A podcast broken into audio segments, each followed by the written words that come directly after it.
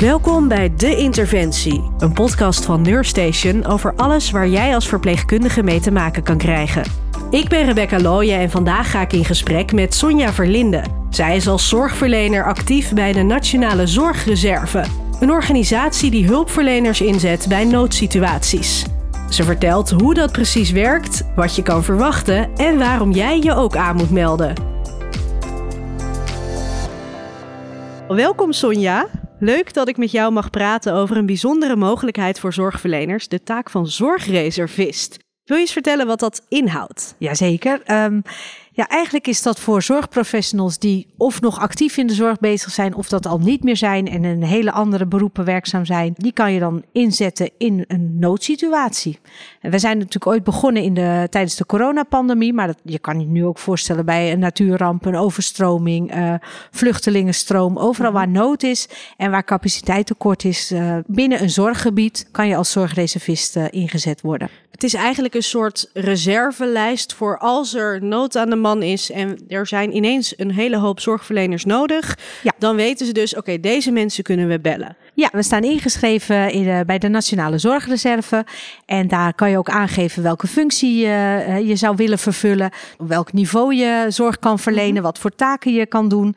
Eh, zodat je ja, op de juiste plek ingezet kan worden. Ja, en je zei het al even, er zijn best wel veel verschillende functies. Uh, wie is eigenlijk allemaal geschikt om zich aan te melden hiervoor? Iedereen die maar iets in de zorg gedaan heeft of nog steeds doet. En eigenlijk uh, is dat alle niveaus en alle lagen van zorg. Dat kan zijn van helpende, verzorgende verpleegkundigen tot aan artsen. Iedereen is welkom. Je kan allemaal wat betekenen. En wat nou als ik, uh, nou, ik zeg maar wat, uh, 30 jaar geleden dat gedaan heb en nu al heel lang als docent werk bijvoorbeeld? Nou, dat kan ook, want zorgen verleer je nooit. Je kan altijd iets betekenen. Een paar extra handen, maar vooral de ogen die je hebt voor de zorg, mm -hmm. die helpen al mee uh, ja, om te ondersteunen. Ja, precies. Dus er zijn, je, je kan ook voor kleine dingetjes ingezet worden. Je kan eigenlijk ja. voor alles ingezet worden. Het is niet zo dat je dan hele ingewikkelde zorgtaken moet gaan verrichten.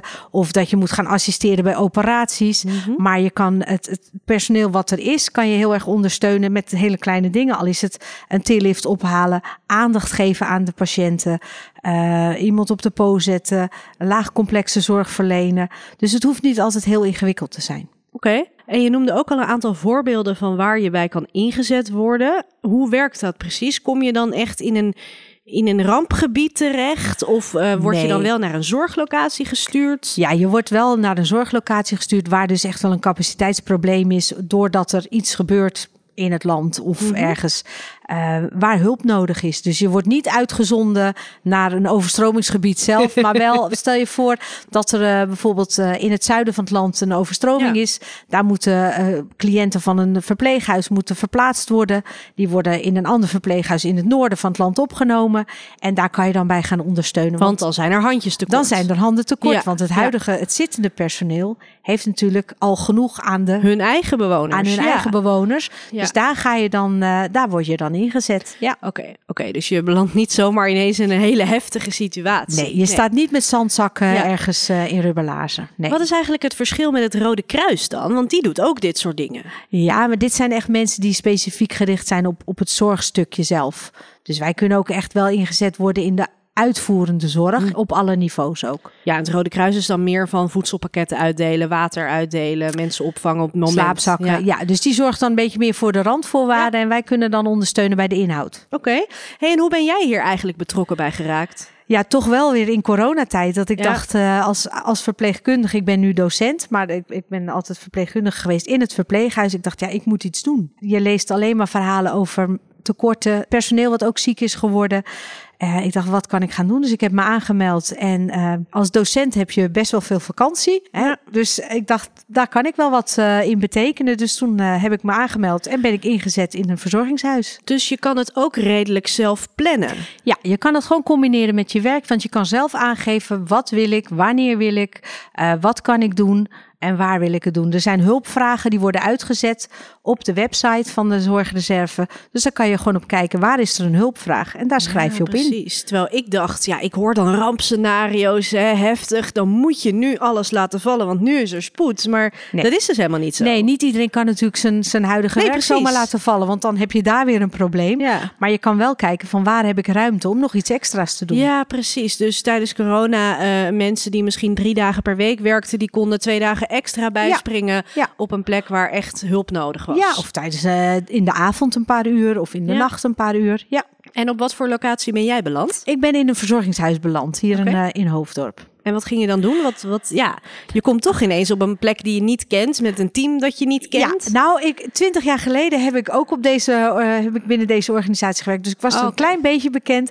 Maar je komt terecht, ik kwam terecht op een gesloten afdeling vol eh, met bewoners met een psychogeriatrische aandoening. Dus mensen met ziekte van Alzheimer. Ehm, en daar ben ik gaan ondersteunen in de zorg. Eh, daar, daar liep personeel die zelf herstellende waren van corona. Dus ik zeg, goh, wat kan ik doen? En laat mij maar lopen. Laat mij tilliften halen. Laat mij Ja. eh, iemand onder de douche zetten. Stuur me maar aan. En Ja. op die manier eh, draag je je steentje bij, zodat het personeel wat daar vastwerkt, bijvoorbeeld ook de medicijnen kan delen. Ja, precies. Je bent echt een soort vliegende kiep eigenlijk. Ja, Ja. je bent gaten aan het vullen, je bent aan het ondersteunen, je, je bent er. En hoe heb jij dat ervaren? Vond je dat eh, pittig?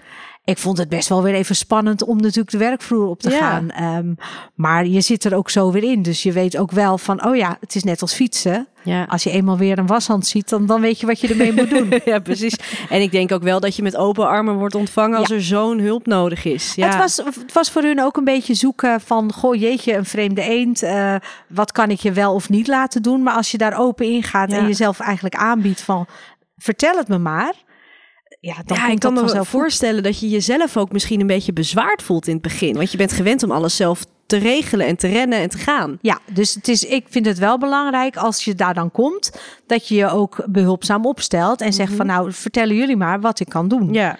Dus je moet niet denken van nou, ik kom hier de boel regelen. En ik bepaal wel even waar ik wel en geen zin in heb. nee, je bent echt ondersteunend en met die inzet moet je ook eh, naar binnen gaan en dan Ja. is er niks aan de hand. Oké. Hey, stel je bent zorgverlener en je luistert nu en je denkt, nou weet je, dat klinkt wel goed. Ik heb wel interesse om me aan te melden. Hoe werkt dat dan? Nou, dan ga je naar www.nationalezorgreserve.nl en Mhm. daar staat een hele grote knop aanmelden. Die kan je niet missen. Die kan je niet missen. Oké. Dus daar klik je op. En je kan natuurlijk ook altijd op de site kijken, wat houdt het precies in? Ja. En vooral het stukje wat belangrijk is om te weten, is dat het vrijwillig is. Je kan zelf kiezen wanneer, waar en wat je gaat doen. Want ik kan me ook voorstellen, als je bijvoorbeeld heel lang niet in de zorg werkt, dat je denkt, ja, ik ga niet iemand met infusen verzorgen. Ja. Nou, dan geef je dat ook aan. Van welk niveau kan je zorg verlenen? Ja. Dus dat kan je zelf invullen. Oké, dus het is best wel laagdrempelig. Ja. En je kan denk ik ook in eerste instantie misschien op een laag niveau gaan inspringen. En later misschien een stapje erbij nemen Ja. als je je weer comfortabel voelt. Ja, als je denkt, er zijn ook trainingen die gegeven worden vanuit de Nationale Zorgreserve. Er zijn ook e-learnings die je kan volgen om je kennis ook weer op te frissen. Maar ook echt wel praktijkochtenden of avonden waarin we oefenen met elkaar van, nou, hoe ging dat ook weer bloeddruk meten? Ja. Of hoe werkt een tillift? Eh steunkousen aantrekken. Terwijl als je het elke dag doet, is het heel logisch. En dan denk je, nou ja, dat weet je toch. Maar, maar soms als dat 30 we een jaar beetje- geleden is. Soms zijn we een beetje roestig. Ja, Ja. maar dat is ook niet gek. Nee. Eh, Oké, dus eh, die grote knop, daar moet je op klikken. Ehm, dan neem ik aan dat je wat gegevens achterlaat. Dat je dus aangeeft wat je wel en niet zou willen. Ja, dan word je heel snel teruggebeld door een van de accountmanagers. En die gaat met jou in gesprek. Van goh, nou fijn dat je je aangemeld hebt. En wat kan je voor ons betekenen? Mhm. En dus dan word je eigenlijk verder door het proces heen geleid. En moet je dan verwachten dat je meteen al ergens bij moet springen? Of is het echt een reservelijst en is, is het in eerste instantie gewoon een paar maanden stil? Het kan zomaar een paar maanden stil zijn, ja zeker. Dus het is niet zo dat je elke dag of elke week extra werk hebt. Ehm, en stel dat dat wel zo zou zijn, kan je ook nog zeggen, nou deze week komt het me niet uit. Ja, je kan het dus wel echt op het moment dat je gebeld wordt. Want ik neem aan dat je gebeld wordt als er een keer iets ontstaat waar Nou, jij aan voldoet. Er staan ook hulpvragen per regio op de site waar je ook op in kan schrijven. Oké. Dus ik kijk dan regelmatig op de site en dan kijk ik in mijn eigen regio van waar is Ja. er een hulpvraag en kan ik daar iets in betekenen. Dan staat er ook bij welke diensten worden er gevraagd. Nou ja, kan ik dat? Heb ik daarvoor ruimte? Dan zeg ik van nou, daar schrijf ik me op in. Ja, En dan wordt er weer contact met je opgenomen vanuit de organisatie. En op die Ja. manier spreek je dan af wanneer je gaat starten. Ja, maar bij die hele grote lijst, hè, voor de grote uh, uh, situaties waar, die dan eens in de zoveel tijd misschien ontstaan, dat is natuurlijk niet elke maand. Nee. Uh, daar word je dan voor gebeld en dan mag je alsnog weer bepalen of je dat wel of niet gaat doen. Je mag altijd zelf bepalen of je het wel of niet gaat doen. Het is niet dat je een soort van hebt beloofd om bij te springen en dan ineens twee jaar later ben je vergeten hè, dat je je hebt ingeschreven. twee jaar later gebeurt er wat, die denkt, oh ja. Ja, maar ik denk de mensen die zich daarop inschrijven, die blijven ook wel een beetje actief op die site kijken. Ja, wat gebeurt er? ja. Er is ook een landelijke dag en per jaar een, een jaarlijkse nationale zorgreservedag, waar je uh, allemaal bij elkaar kan komen. Er worden dan workshops gegeven, zodat je elkaar ook gaat leren kennen en uh, ja, betrokken blijft bij de organisatie. Ja, en je hebt het nu ook over van die regionale oproepen, hè, die jij dan in de gaten houdt. Als we het dan hebben over de grote thema's waar je bij kan bijspringen, natuurrampen, corona, dat is nu allemaal niet echt heel erg Nee. meer, toch? Nee, dus het is nu wat rustig. Ja, want dat klopt. waar kan je dan nog meer voorbij gevraagd worden? Zijn, zijn er ook kleinere dingetjes die wat regionaler zijn? Of? Nee, het is niet de bedoeling dat je ingezet wordt als een soort uh, uitzendkracht of zo. Nee, precies. Dus dat, uh, dat is het dus echt absoluut niet. Nee. Maar je moet bijvoorbeeld denken aan zo'n uh, het aanmeldcentrum in Ter Apel, wat natuurlijk overstroomt de laatste tijd weer.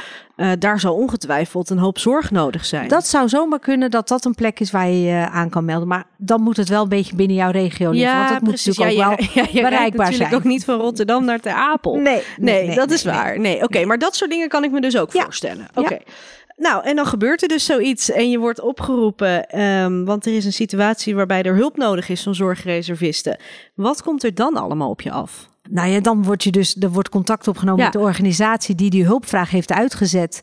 En daar maak je afspraken mee van wanneer ga je beginnen, wat kan je doen en uh, hoe kom je binnen. En door wie word je bijvoorbeeld opgevangen? Heel praktisch. Van, uh, uh, nou, dinsdagochtend om acht uur heb je een dienst tot, uh, tot één uur, ik noem maar wat. Nou, Ja. dan ga je daar naartoe. En dan ga je aan de gang. Oké, maar dat klinkt, het klinkt heel simpel, maar dat, Dat het is, is- toch echt even wennen, lijkt me. Ja, natuurlijk. Het is natuurlijk even wennen. Maar ehm, kijk, als je iets in de zorg gedaan hebt, ooit, Mhm. kort geleden, lang geleden, dat zijn vaak wel aanpakkers. Ja. Dus als je je daarvoor inschrijft, dan weet je ook van nou, ik heb geen tijd om drie weken ingewerkt te worden. Nee, je dus gaat meteen iets echt doen. meteen aan de bak. Gaat meteen iets doen. En Krijg je überhaupt iets van uitleg? Eh, Ik neem aan dat je wel te zien krijgt waar de spullen staan. dat, ja, En, nou dat ja. is het. Ja, maar je hebt niet eh, bijvoorbeeld twee dagen dat je alleen maar met iemand meeloopt. nee, Nee. nee, je gaat meteen aan de gang. Oké. Want het is een noodsituatie. Ja. Ze hebben capaciteitstekort. Dus het is wel zo dat je meteen gaat handelen. En dat kunnen hele simpele dingen zijn. Hè? Dus als er dan bijvoorbeeld, eh, er is iets aan de hand dat ze zegt van nou, zorg dat er twintig bedden opgemaakt zijn. Daar liggen de lakens. Dan ga je aan de slag. Ja, dus het kunnen ook echt hele kleine taakjes zijn. Het, kun, het is alles wat ondersteunt. Dus het is niet eens per se altijd zorg. Nee, maar alles wat je doet is van waarde. Maar kan dan bijvoorbeeld, eh, ik ben verpleegkundige, kan mijn, eh, mijn dochter van 20 zich ook aanmelden? Nou, ze, ze richten zich echt wel op zorgprofessionals of oud-zorgprofessionals. Dus je moet wel iets gedaan hebben in de zorg. EHBO-cursus is niet genoeg. Nee, nee. Nee, ja, maar goed, als ik jou hoor over bedden opmaken, denk ik, nou ja, als iemand anders dat ook weer kan doen. Ja, onder andere. Hè. Ja. Kijk, en daarna vloeit er natuurlijk wel weer wat meer uit voort. Dus... Maar je moet eigenlijk beschikbaar zijn om op het moment dat er wel iets medisch ontstaat, dat je meteen bij kan springen. Ja, ja. dat je wel iets kan. Ja. Ja, ja, ja. Oké, dus dan kom je daar aan op je eerste dag en je hebt dus niet echt tijd om ingewerkt te worden. Maar ehm, ja, hoe gaat het team met je om? Hoe meng je je daarin? Hoe gaat dat? Nou, je stelt je voor. En wat ik eh, aan het begin ook al zei, je stelt je vooral eh, behulpzaam op. Dus je vraagt, wat kan ik doen? Waarmee kan ik jou ondersteunen? Ja. Waarmee kan ik jou helpen? En dat kan echt van uur tot uur verschillen. En dat kan van uur tot Ja. uur verschillen. Het kan echt ook zijn dat je inderdaad, wat je zei, een vliegende kiep bent. Waardoor je eh, het ene moment daar iemand staat te douchen. En een uur later sta je dus wel die bedden op te maken. En Ja. twee uur later sta je iemand eh, te helpen met eten. Ja. Kan je eigenlijk ook dan, ehm, want ik snap het is een noodsituatie en je bent er omdat het huidige personeel het in zijn eentje gewoon niet gedaan krijgt. Maar kan je ook wat extra's geven? Kan je ook juist de tijd maken om even, even een praatje te maken met iemand die heel eenzaam is? Ik vind van wel. Ja, mijn ervaring is van wel. Ik, ik was in coronatijd dan in het verzorgingshuis. Daar was ook een bewoner die erg onrustig was. Natuurlijk Ja. ook door alle mondkapjes. Ja, is heftig. En eh, toen dacht ik, ja weet je, dan heel even dat mondkapje naar beneden. Contact maken Nou ja, en dan weer verder. Jij ja. zegt, ik, ik werkte met mensen met een psychogeriatrische achtergrond. Ehm, ik kan me voorstellen dat je iemand met Alzheimer niet meer uitgelegd krijgt wat al die pakken zijn en wat een pandemie is en dat je afstand moet houden. Nee, dus daar moet je echt de tijd voor nemen. Ja. Was dat voor jou ook niet eng? Want ja, jij liep ook risico. Nee, ik was gevaccineerd. Nee. Oh ja. Ik ben niet zo snel. Het eh, was niet meteen in die eerste fase nee, nog. Nee, nee, nee, zeker niet. Het was in december 2021, dus dan ben je alweer een jaar ja, verder. Anderhalf, ja. Anderhalf. En ehm, nee. Kijk, ik denk als je zoiets gaat doen, dan moet je niet al te bang zijn dat je iets oploopt of eh, om vieze handen te krijgen. Nee. Nee. je gaat wel omdat je iets wil aanpakken. Nee, dat klopt. Maar toch, het was natuurlijk een situatie die we allemaal niet eerder hadden meegemaakt. Het was best wel ineens een heel andere wereld. Ehm, en als zorgverlener stond je met, eh, met je neus in de boter, zeg maar. Ja, ja, maar ik denk juist dat als eh oud-zorgverlener, dat je dan denkt, jeetje, eh, dan wordt de drang om te helpen Ja, ja. misschien juist nog wel groter. Ja, ondanks dus dat je ook wel de gevolgen zag bij personeel waar die juist herstellende was. Ja, ja. ja.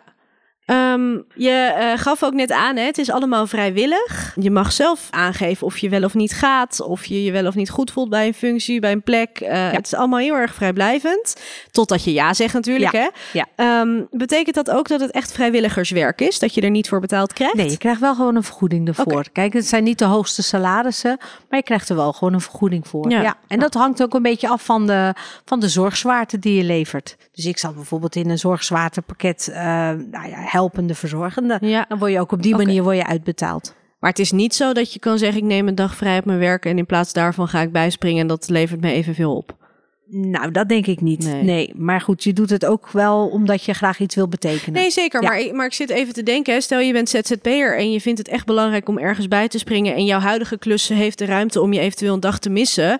Dat je. Nee, dat, ik Ja. denk niet dat je het op die Nee. manier. eh, nee, dan ga ik niet meer redden. Maar je krijgt dus wel een vergoeding. ja, zeker. Levert je als zorgverlener eigenlijk nog iets op, behalve dat geld? Ja, zeker. Want ik werk als docent verpleegkunde op het Nova College in Hoofddorp. Ja? En ik neem die ervaringen vanuit de praktijk ook weer mee terug naar mijn lessen. Ja. Dus wij geven hier les aan helpende verzorgenden en verpleegkundigen in opleiding. Dus alles wat ik in de praktijk meemaak, en dat is natuurlijk wel actueler dan eh 30 jaar geleden, Mhm. neem ik weer mee terug in mijn lessen. Dus casuïstieken, eh, maar ook apparatuur die ik gebruikt heb. eh, ja, de ervaringen die je daar weer opdoet, kan je weer gebruiken Ja. in je huidige werk. Want hoe lang was het voor jou geleden dat je echt in de zorg stond? Ik denk zeven of acht jaar. Oh, nou, dat vind ik best wel een tijdje. Ja. Was dat niet even heel gek weer? Het ging eigenlijk als vanzelf. Ja? En dat, ja, ik dacht eerst, oh jeetje, maar je gaat een kamer binnen en je zegt goedemorgen en je gaat aan de gang. En dat gaat gewoon, het is net als fietsen.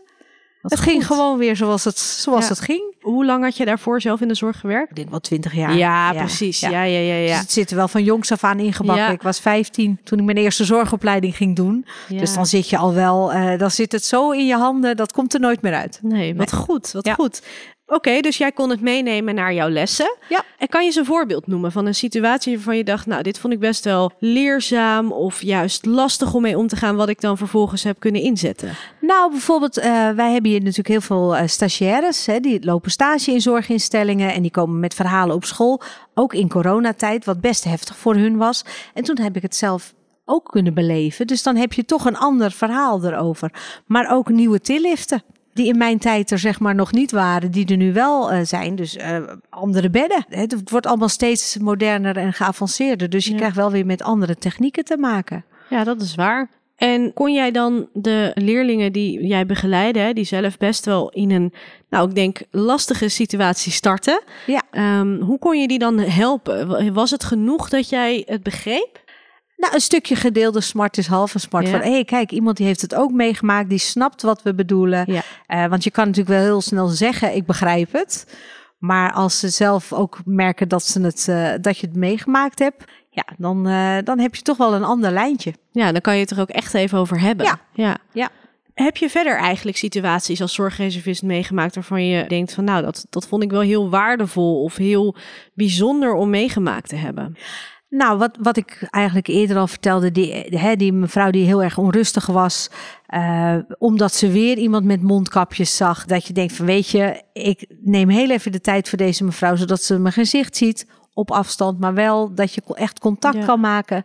En ehm, ja, toch net iets minder gehaast te werk hoeft te gaan dan eh, het vaste personeel die ja, zo aan het rondrennen waren. Ja. Dus dan kan je iets meer tijd toevoegen. En dat vond ik wel heel erg waardevol. Ja, en dat had je in die twintig jaar dat je zelf in de zorg werkte dus niet ervaren. Nou, nee. Omdat je die situatie niet ja, mee had nee, gemaakt. nee, Ja. nee. Maar ook omdat je dan zelf aan de andere kant staat en denkt Ja. het werk moet klaar. En Ja. ja. ja, dan heb je geen extra handen. Ja.